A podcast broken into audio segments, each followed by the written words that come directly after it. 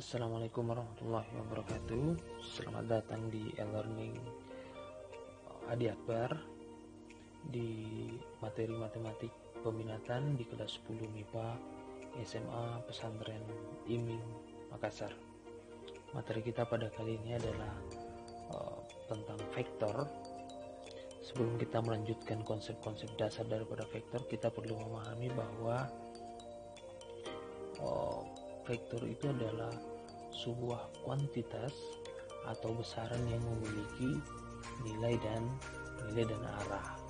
Maka kalau kita melihat tanda panah yang ini, keterangannya kita bisa membaca secara langsung di layar uh, para santri. Di titik A itu disebut sebagai titik panggal atau titik awal. Dan titik B itu disebut titik ujung atau titik akhir maka dari tanda panah yang bergaris ini, tanda panah menunjukkan sebagai arah vektor, adapun panjang daripada garis ini itu yang disebut sebagai nilai atau besar daripada vektor. Nah, cara penulisan vektor dapat ditulis seperti ini.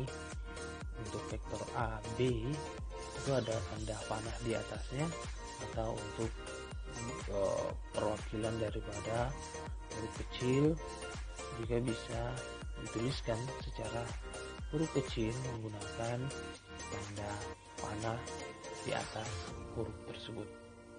Itu adalah uh, pengertian atau esensi daripada esensi daripada vektor. Salah satu contoh daripada vektor adalah kecepatan ataupun percepatan termasuk juga gaya dalam uh, kehidupan sehari-hari misalnya seperti ini. Kita punya vektor PS itu bisa dapat atau dapat dituliskan seperti ini.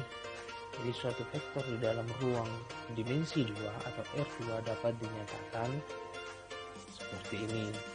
Yang pertama adalah secara metrik atau matrik bisa dituliskan seperti PS untuk vektor PS dapat ditulis seperti ini. Ataupun secara aljabar biasa X, Y. Nah kalau kita punya vektor seperti ini vektor PS yang nilai 4 ini ini mewakili sumbu X dan yang tiga ini mewakili sumbu Y. Maka panjang vektor PS dapat ditulis PS 3 pangkat 2 4 pangkat 2 kemudian dicari nilai daripada akar tersebut.